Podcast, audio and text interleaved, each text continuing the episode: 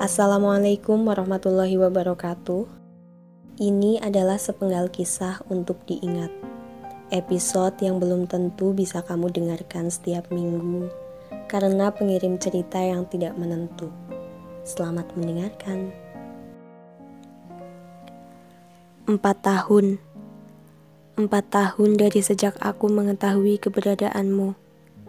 Empat tahun yang aku sudah lupa bagaimana kali pertama kita bertemu Empat tahun yang aku penuhi dengan keraguan akan pertanyaan, apakah aku menyukaimu?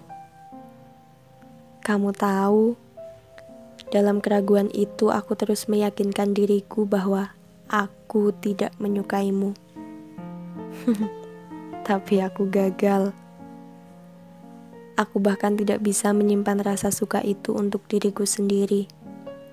Dengan bodoh, aku memberitahukan perasaanku padamu. Kamu tahu kenapa? Karena selama empat tahun, hampir tidak ada kebetulan-kebetulan receh dalam kedekatan kita. Kita tidak pernah secara kebetulan bertemu di tempat yang asing. Kita tidak pernah secara kebetulan membaca buku yang sama di tempat yang sama. Tidak pernah.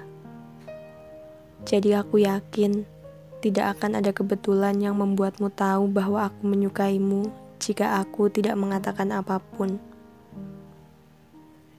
Setengah tahun sudah berlalu sejak hari itu. Hari di mana dengan sungguh-sungguh aku berkata, "Aku menyukaimu." Tapi lagi-lagi, kamu hanya tertawa kecil sambil mengatakan, "Tidak, kamu tidak menyukaiku." Seperti kebanyakan orang, kamu hanya mengagumiku. Saat itu aku hanya bisa tertawa balik mendengar jawaban yang kamu katakan. Tidak tahu lagi harus mengatakan apa. Ya, aku rasa memang tidak perlu lagi berkata-kata. Sebetulnya aku hanya tidak ingin kehilanganmu. Tapi yang terjadi malah sebaliknya.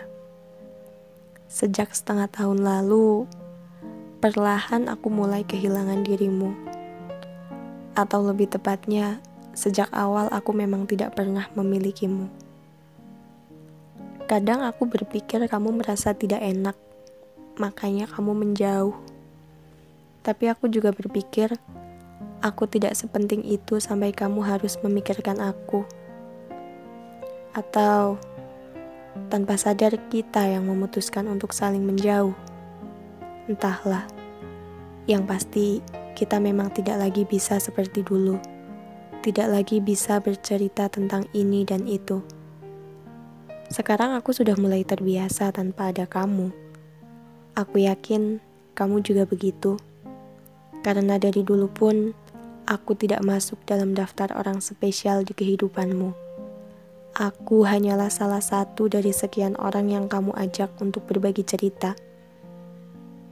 Aku tidak tahu apakah semesta berkehendak mempertemukan kita lagi di masa depan. Namun, jika cerita kita terjadi seperti biasa, maka bisa dipastikan tidak akan ada kebetulan yang membuat semesta mempertemukan kita lagi. Bagaimanapun alur ceritanya nanti, semoga kamu selalu sehat dan bahagia ya. Oh iya, aku hanya sedang rindu kamu tapi aku terlalu tidak enak untuk mengetikkan pesan dan mengirimkannya padamu. Selamat malam.